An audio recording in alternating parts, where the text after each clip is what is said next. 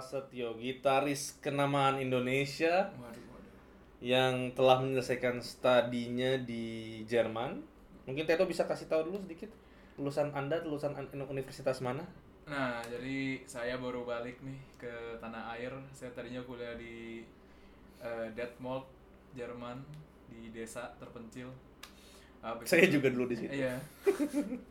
Lalu saya kuliah di Berlin. Oh Berlin ya Berlin pindah ya. oke. pindah kota yang lebih besar. eh, jadi kurang lebih hampir tujuh tahun dan sekarang balik lagi ke Indonesia. Kalau boleh tahu Tedo kenapa pulang ke Indonesia? Bosan dengan pandemi ini di Jerman? Eh, Apakah tidak mendapatkan juga- jodoh di Jerman atau Waduh, gimana? waduh. Jodoh mah di mana aja semoga ada ya. Jodoh di mana aja saudara-saudara. Ya, jadi em, eh, kangen aja sih pengen pulang gitu rasanya. Kangen pengen pulang. Berarti di Iya. Jerman nggak ada yang dikangen kangenin. Di Jerman ada juga yang dikangenin. Cuman Oh, oke. rasanya pengen pulang dulu lah. Tedo pulang kapan dari dari Jerman? Eh, Oktober. Oktober Berarti tahun baru banget Berarti ya, baru dua bulan. dua dua tiga bulan ya. Hmm, Oke oke. tiga bulan. Terus gimana? Betah di Indonesia atau ini- betah di Jerman? Eh, sama-sama aja ya kayaknya. Asik asik. Mungkin kalau yang dengerin belum pernah ke Jerman, ya ter silakan dicoba sendiri. kalau udah ke Jerman, Enggak di Jerman itu masalahnya kalau buat sekolah itu one of the best lah. enak. Enak banget kan, bebas berpikir. Bahkan profesor kita kan meng apa ya membentuk kita, memaksa kita untuk berpikir sebenarnya jadi sangat kritis ya. Cuman problemnya karena dipaksa berpikir terus makalah hasilnya banyak filsuf-filsuf dari Jerman kan. Hmm. banyak eh, pemikiran-pemikiran yang eh, lahir Hmm. Karl Marx dan sebagainya gitu kan. Tapi masalahnya adalah malam-malam karena kebanyakan mikir buka jendela rokok sama bir. Itu problemnya. Akhirnya orang nggak ada kehidupan. Iya, iya, ya kehidupannya ya berpikir dengan diri sendiri. dengan diri sendiri dengan sangat dalam lah. Di. Jerman. baca buku Betul, mikir lagi latihan baca buku Iya, ngebir iya. lagi latihan lagi gitu Begitulah kehidupan di ya, Jerman. ya setuju setuju, setuju. Ya, tapi kalau buat belajar emang enak banget sih. sebenarnya. betul setuju, setuju. Ada gangguan sama sekali. Betul. Dan benar-benar kita dipaksa untuk bukan dipaksa secara paksa gimana, tapi secara natural akhirnya kita jadi kritis ya. Mungkin karena juga eh, melihat sesama musisi yang sangat eh, itu kan semua talenta, semua orang-orang yang bagus mainnya datang ke Jerman. Jadi juga kita mungkin ngeliat orang lain kita jadi mengembangkan diri juga gitu.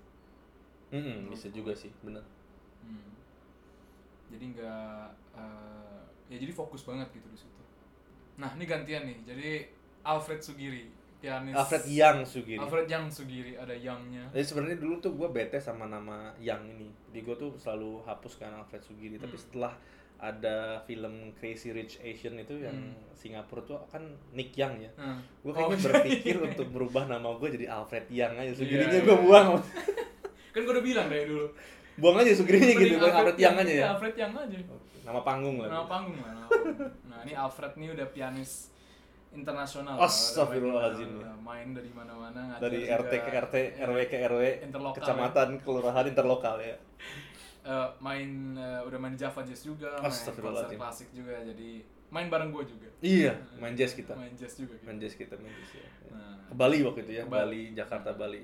dulu Alfred nih sempet kuliah di Detmold juga di desa yang sama.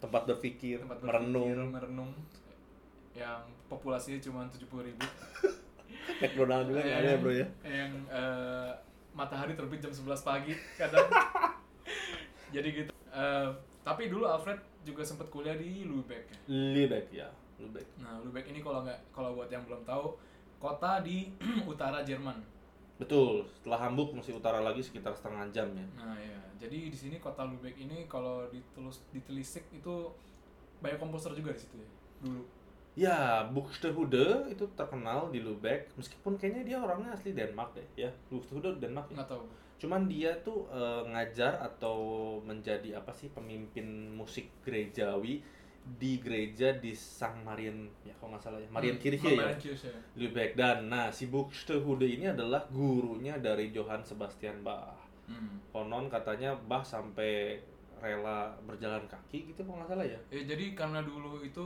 gilanya kalau kita lihat eh, cerita-ceritanya Bah zaman dulu ada biografinya itu karena dulu mungkin dia juga susah kali ya gue juga nggak tahu harus susah dulu hidup Iya, yang jelas biar dia nggak naik- artinya senang yang jelas anehnya dia nggak naik kuda tapi dia beneran jalan kaki beratusan kilometer dari dari kota di bawah itu apa ya dia dasar-dasarnya dari Dresden bukan sih? Eh, Leipzig bukan ya? Leipzig kayaknya ya Leipzig ya Pokoknya Tapi dia dia- Kuten Iya, aslinya kan? pokoknya dia jalan sampai ke Lübeck pernah. Iya, iya, benar, benar, benar, benar.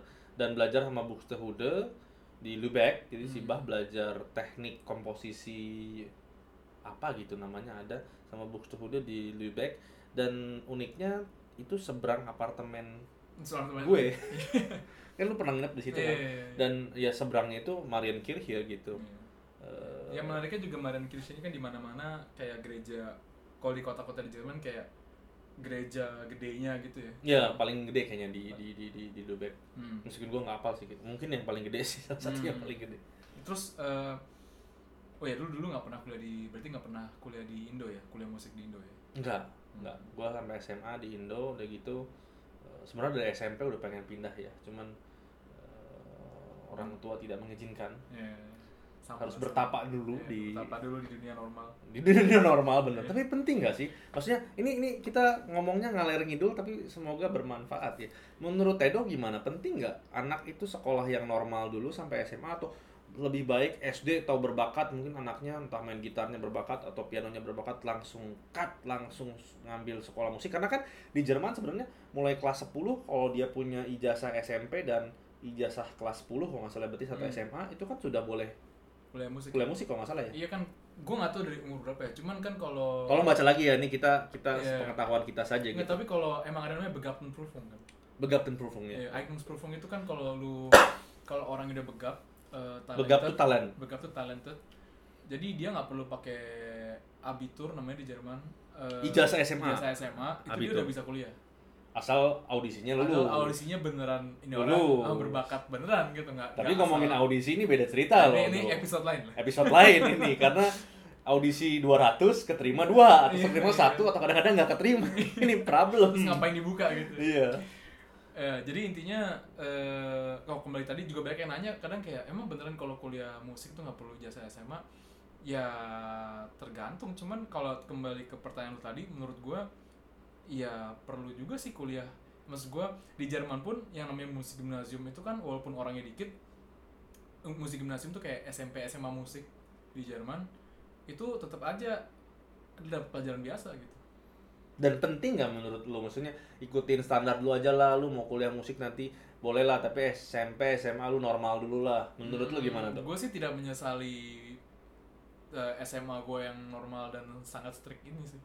Gue juga sih jujurnya karena menurut gue SMP SMA tuh masa-masa di mana kita bersosialisasi Hmm. dan di mana kita nakal-nakalnya dan itu justru Belajar bersosialisasi lah. betul dan itu menjadi jati diri kita sebenarnya ya. Hmm. Maksudnya gue sih nggak mau disebut orang yang wah nih eh, pianis klasik dia pasti orangnya hebat sekali tapi dia eh, Aneh. aneh dan itu kayaknya gue pengen tetap Hmm. relax dan tetap jadi Emang emang mesti diakui banyak ya. musisi seniman yang agak-agak eh, bukan ya agak banyak kebiasaan yang di luar normal lah. kebiasaan di luar normal itu gimana maksudnya mas bro Iya, bisa misalnya- dijelasin nggak Misalnya latihan sampai pagi gitu kan. Oke, Latihan pagi uh. terus jalan merenung lagi soal musik. Jadi hidupnya beneran kayak musik musik musik musik. gue suka gitu sih cuman maksudnya Gue juga eh, suka gitu sih. gue juga suka gitu cuman eh, kayaknya gue nggak pernah gue ada waktunya belajar gila-gilaan dan ada waktunya nggak belajar ya dan gue malas latihan gitu. iya iya iya Tedo beberapa kali di Death Note pernah nemenin aku latihan ya. iya iya dulu kan karena kalau di Death Note kalau nggak ada nggak ada kartunya nggak nggak bisa dapet ruangan betul, latihan betul, ya. betul. Dan ini suka membantu saya memberikan tempat ruangan Aduh. yang ada grand pianonya. Kalau Iya. nggak pakai piano nggak enak soalnya kalau pakai grand piano kan bisa lebih mengeksplor. iya pakai Steinway ya Pakai Steinway ya benar. aduh Betul betul. Jadi menurut Tedo tidak menyesali ya. ya SMP, tidak SMA. menyesali SMP SMA tadinya kan gue mikir ah SMA pindah musik aja lah SMA musik maksudnya Ada nggak sih? Di, ada di Bogor ya SMM musik ya? Eh, di BSD pun ada Ah, namanya? SMM uh, IMJ ada Oh. ya sama musik Jakarta Oh jadi ada ya? Gue baru ada tahu. ada Oke. cuman dulu uh, kira gue masuk Sanur sekolah Katolik hmm gue juga gue juga Katolik Sama Katolik kan. meskipun gue bukan beragama Katolik cuman pendidikannya asik banget ya. Ya, emang, diajar frater. Emang iya ya emang Suster. keras, keras ya pendidikan Keras. Katolik. dan justru itu jadi kita nakal-nakalnya tuh jadi asik gitu asik. Karena karena kalau nakal gimana ya kalau kalau lu melakukan sesuatu yang gak dilarang lu ya, melakukan bukan sesuatu. nakal jadinya. Oh iya. Maksudnya ya lu dan saatnya mestinya udah nggak nakal udah mikirin hidup malah jadi nakal. Nakalnya terlambat. Betul betul betul gitu Iya, ya kita iya. cukup puas ya SMP SMA Iya. gue di mana SMP gue udah modif motor bokap gue sampai dirampas sampai disita. Banyak lah ya cerita cerita banyak cerita cerita yang gak ada hubungannya dengan musik yang sebenarnya. sama sekali gak ada hubungan dengan musik dan gue enjoy dan gue suka. Gue Iya, menghargai iya, banget iya. pengalaman asik itu. Ya ya ya ya terus sekarang udah balik ke Indonesia udah berapa lama gue pulang ke Indonesia itu 2017 tapi 2017 tuh sampai bulan Juni itu gue masih tektok tuh. Hmm. karena kan gue banyak yang harus diberesin kan di di Jerman. Karena gue udah ngajar juga udah kerja juga. Dan istri gue kan juga udah kerja juga selama lima tahun jadi PNS PNS pegawai negeri sipil ya.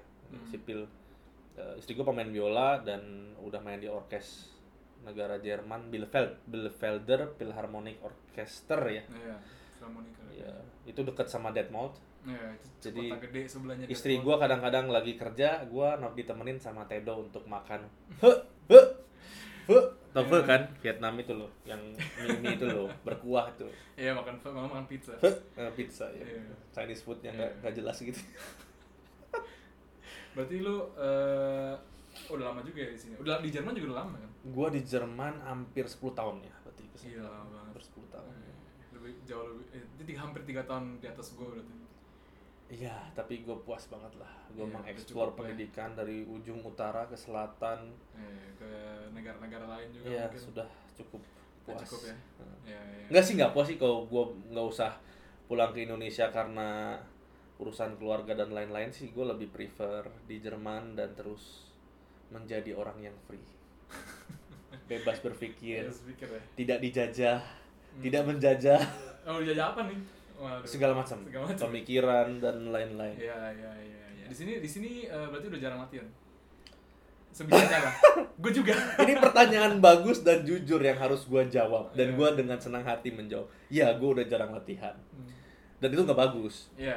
nggak bagus. Jadi buat adik-adik atau teman-teman yang dengerin ini. yang siapa pun yang dengerin ini dan masih belum berkeluarga atau belum mempunyai anak, masih banyak waktu untuk latihan. Latihanlah sebanyak Iya. banyaknya. Karena emang emang eh, fakta kehidupan kalau emang pertama musisi itu perlu latihan. Iya, gua masih latihan sih, cuman eh, Mental. udah nggak seperti dulu. Dulu kan Oh, gue iya. tiap hari hidup untuk latihan sebenarnya pas lagi kuliah ya. Sehari itu minimal tuh 4 jam ya, udah pasti. Meskipun misalnya bukan berarti konstan 4 jam dalam seminggu pasti satu hari ada bolos, dalam sebulan pasti ada beberapa hari sama sekali nggak mau ketemu piano. Bahkan kalau lagi udah semester varian, libur semester tuh gue seminggu nggak latihan piano tuh. Hmm. Gue pengen fresh aja. Oh, dulu gue semester Verin beneran gak latihan sama sekali tuh. Oh, Satu ini, bulan ini nggak lebih latihan. ekstrim ini lebih ekstrim. Gue masih masih latihan, tapi gue pengen seminggu atau dua minggu lah. Kadang-kadang gue Hmm. pause dulu nggak latihan. Tapi biasanya di libur semester tuh gue biasanya eh, cari Inspirasi. inspirasi dan kadang-kadang gue ikut eh, summer camp. Oh iya itu juga. Eh, gue juga ikut sih sama camp. Karena kan liburan summer tiga bulan bro. Lama ya. Dua minggu cukup lah untuk ngapa-ngapain, Iya, untuk iya, tidur dan melakukan hal semaunya. Eh, by the way, itu membantu banget. Pas lagi kuliah kan 4 bulan, 3 bulan, 4 bulan tuh kan kita stres banget tuh. Tiap Masa hari kan intensif. tak tak tak tak tak Iya, intensif iya. kan, latihan kayak orang gila. Terus dua minggu atau seminggu itu yang namanya liburan tuh nggak ada planning. Gue paling seneng liburan tuh nggak ada planning. Jadi nggak ada yang nyari lu dan lu tidak dicari orang dan lu nggak harus nyari orang dan lu nggak harus ngapa-ngapain. Lu melakukan sesuatu semau lu dan sangat spontan. Itu Hmm. bener-bener fresh menurut gue. Emang hari kalau misalnya nggak di plan te- terasa lama ya.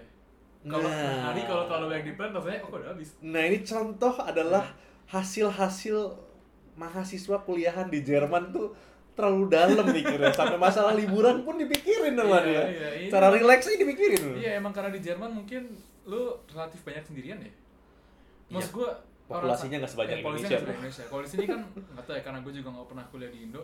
Kalau di sini kayaknya lu suka wah nongkrong dulu habis kuliah nongkrong lagi kuliah nongkrong lagi Kalau di Jerman sih lebih individualis ya kayaknya kayaknya. iya sih Ini Iya sih. maksudnya bukannya bukan kita nggak punya teman, cuman karena di kampus musik kan ya seperti tadi kita ngomong kan audisinya ratusan yang keterima sedikit, jadi sebenarnya di kampus kita tuh bukan kayak fakultas lain gitu Hmm. yang banyak orangnya, cuman uh, ya kita lebih banyak baca buku, dengar musik, belajar, Hmm, latihan, fokus. lebih fokus banget gitu. Diri banget ya. Apalagi di Dead Mode bro, gue Oh, tinggal di iya. atas gunung. oh iya, iya Lu tau rumah gua kan Beethoven tahu, ya. tahu, tahu, tahu. Nomor Viron sih kalau nggak salah 24 kalau nggak salah Iya, gila gila gila. Dulu dulu karena Dead Mall tuh gimana ngebandingin Jakarta ya? Dead Mall tuh mungkin cuma segede Monas kali ya. Lapangan Monas kali itu, segede itu satu kota ya. Eh, Jadi City rel kereta, centernya ya? rel kereta apinya cuma dua, Iya, lagi- pulang dan pergi. Eh, cuman pulang dan pergi ke dua kota. Betul. Eh, dan di Dead Mode itu, gue tau ya gue merasa kayak pas di Dead Mode itu gue belajar itu fokus, tapi gue merasa kayak tidak ada kota ke- kota besar di dekatnya yang bisa menginspirasi gue karena kan gue butuh juga refreshing ya. Kayak di Lubeck gue kalau bosen setengah jam 40 menit gue naik kereta tergantung kereta lambat kereta cepet gue nyampe Hamburg. Hamburg kan wah metropolitan lah kasarnya. Dan Hmm.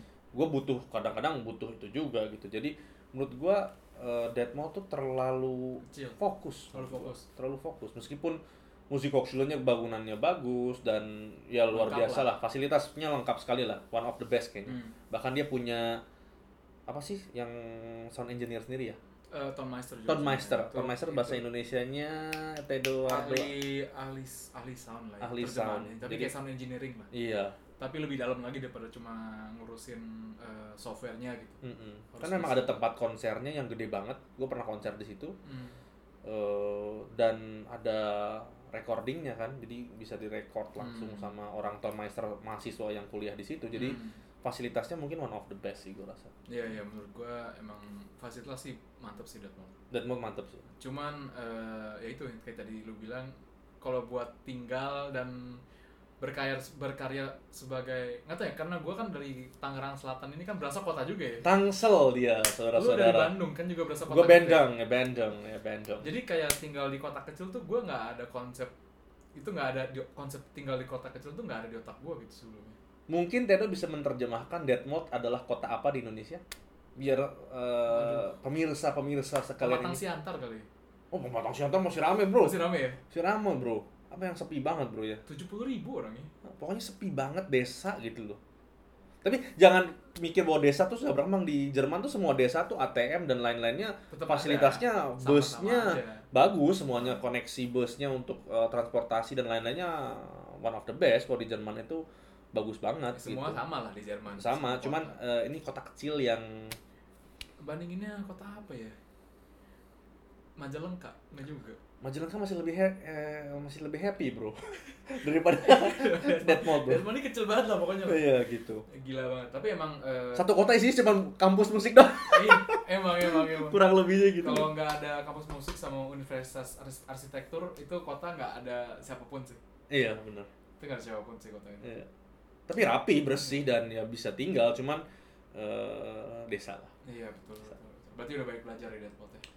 Banyak belajar kehidupan. Belajar kehidupannya. Walaupun nggak ada hidupnya tapi belajar kehidupan. Iya, gue di Deadmau tuh belajar untuk mengambil keputusan terberat sebenarnya. Meskipun itu eh, nantilah kita Iya, ceritakan iya, lebih iya, dalam. Iya iya iya. iya, iya, Tapi iya. di situ diuji di mana keputusan gue itu diuji. Karena sebenarnya eh Deadmau sama Bielefeld, istri gue kan kerja di Bielefeld itu eh, deket posisinya banget. Ah, 30 menit ya bro. Iya. Ya.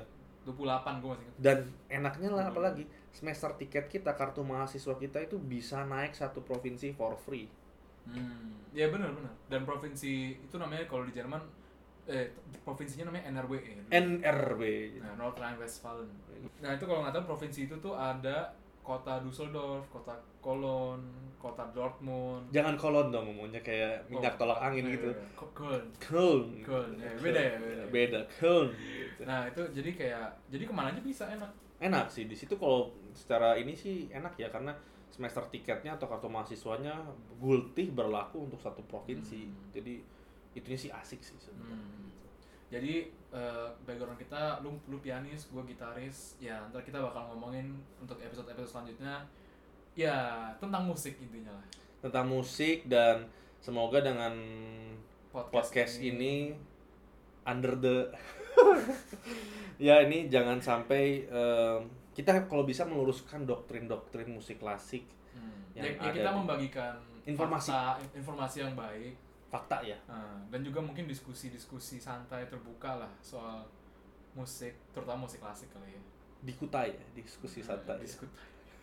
diskutai Diskut. ini jangan terlalu serius-serius amat Iya, iya. gue nggak mau kayak eh, image gue tuh jadi orang yang kaku Terlalu gitu gue ya. pengen ya kalau ngajar boleh lah kadang-kadang Iya, kita iya, galak iya. ya tapi sebenarnya kita manusia biasa Iya, ya iya, iya.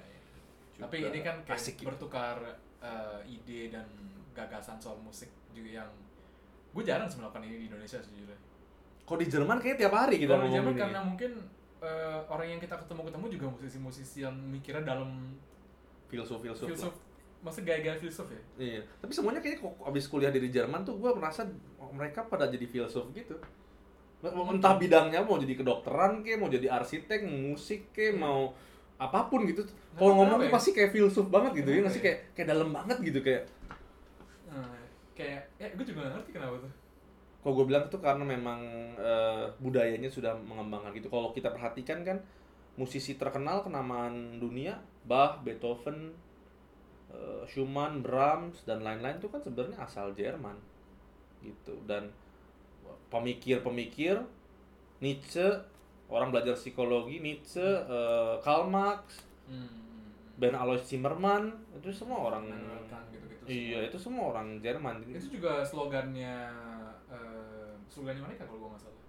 Oh ya? Landesdenkers atau apa gitu. Oh, ada iya. ada. Ngeri. Gue ngeri. pernah gue pernah baca di eh, apa namanya kantor luar negerinya Jerman. gue setuju sih jadi gue merasa kayak di Jerman itu memang orang berpikir sesuatu tuh bebas tapi berdasar dan dalam gitu Makanya kenapa mereka untuk segala macam apa pun masuk eh, gimana? Tren luar negeri itu nggak secepat itu masuk ke dalam Jerman. iya karena dia antibody negaranya kuat banget kuat banget, kuat iya. banget. Di sekolah di Jerman apa coba yang nggak bagus? Iya. arsitek one of the best. Iya, iya, musik one of the best. Iya. kedokteran? Gratis pula. kecuali bisnis mungkin kali ya. Gue nggak tahu. Nah, lu gimana bisnis? Kalau kalau Bisnis di Jerman. manajemen menurut gua entah kenapa kayaknya kurang terkenal Jerman. oke.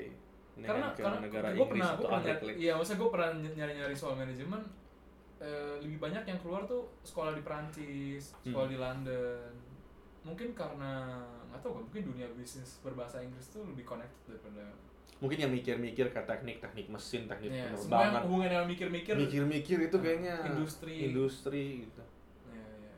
ya, ya. Ya, jadi ke depannya kita ngomongin soal musik soal ya Semua deh, semua kehidupan lah, deh. kehidupan Nah. Kita ngomongin tapi intinya ya berhubungan lagi dengan musik lah yang santai aja jadi Iya. buat teman-teman musisi atau bukan musisi atau mau yang mau memahami Yang musisi tahu itu kayak gimana sih Iya, iya, iya. orang-orangnya? Yuk kita dengar bareng nih. Ya ini podcast musik klasik ya, asik. Siap siap. Ya dari tunggu episode selanjutnya lah ya. Oke. Bisa dengerin di Spotify di YouTube. Nanti akan juga diupload di platform lainnya. Yang mau follow Alfred bisa at Alfred Sugiri. Alfred Sugiri ya. Iya. Yang mau follow gua di teduardo.gitar t h e duardo.gitar dan kita ketemu lagi di podcast selanjutnya.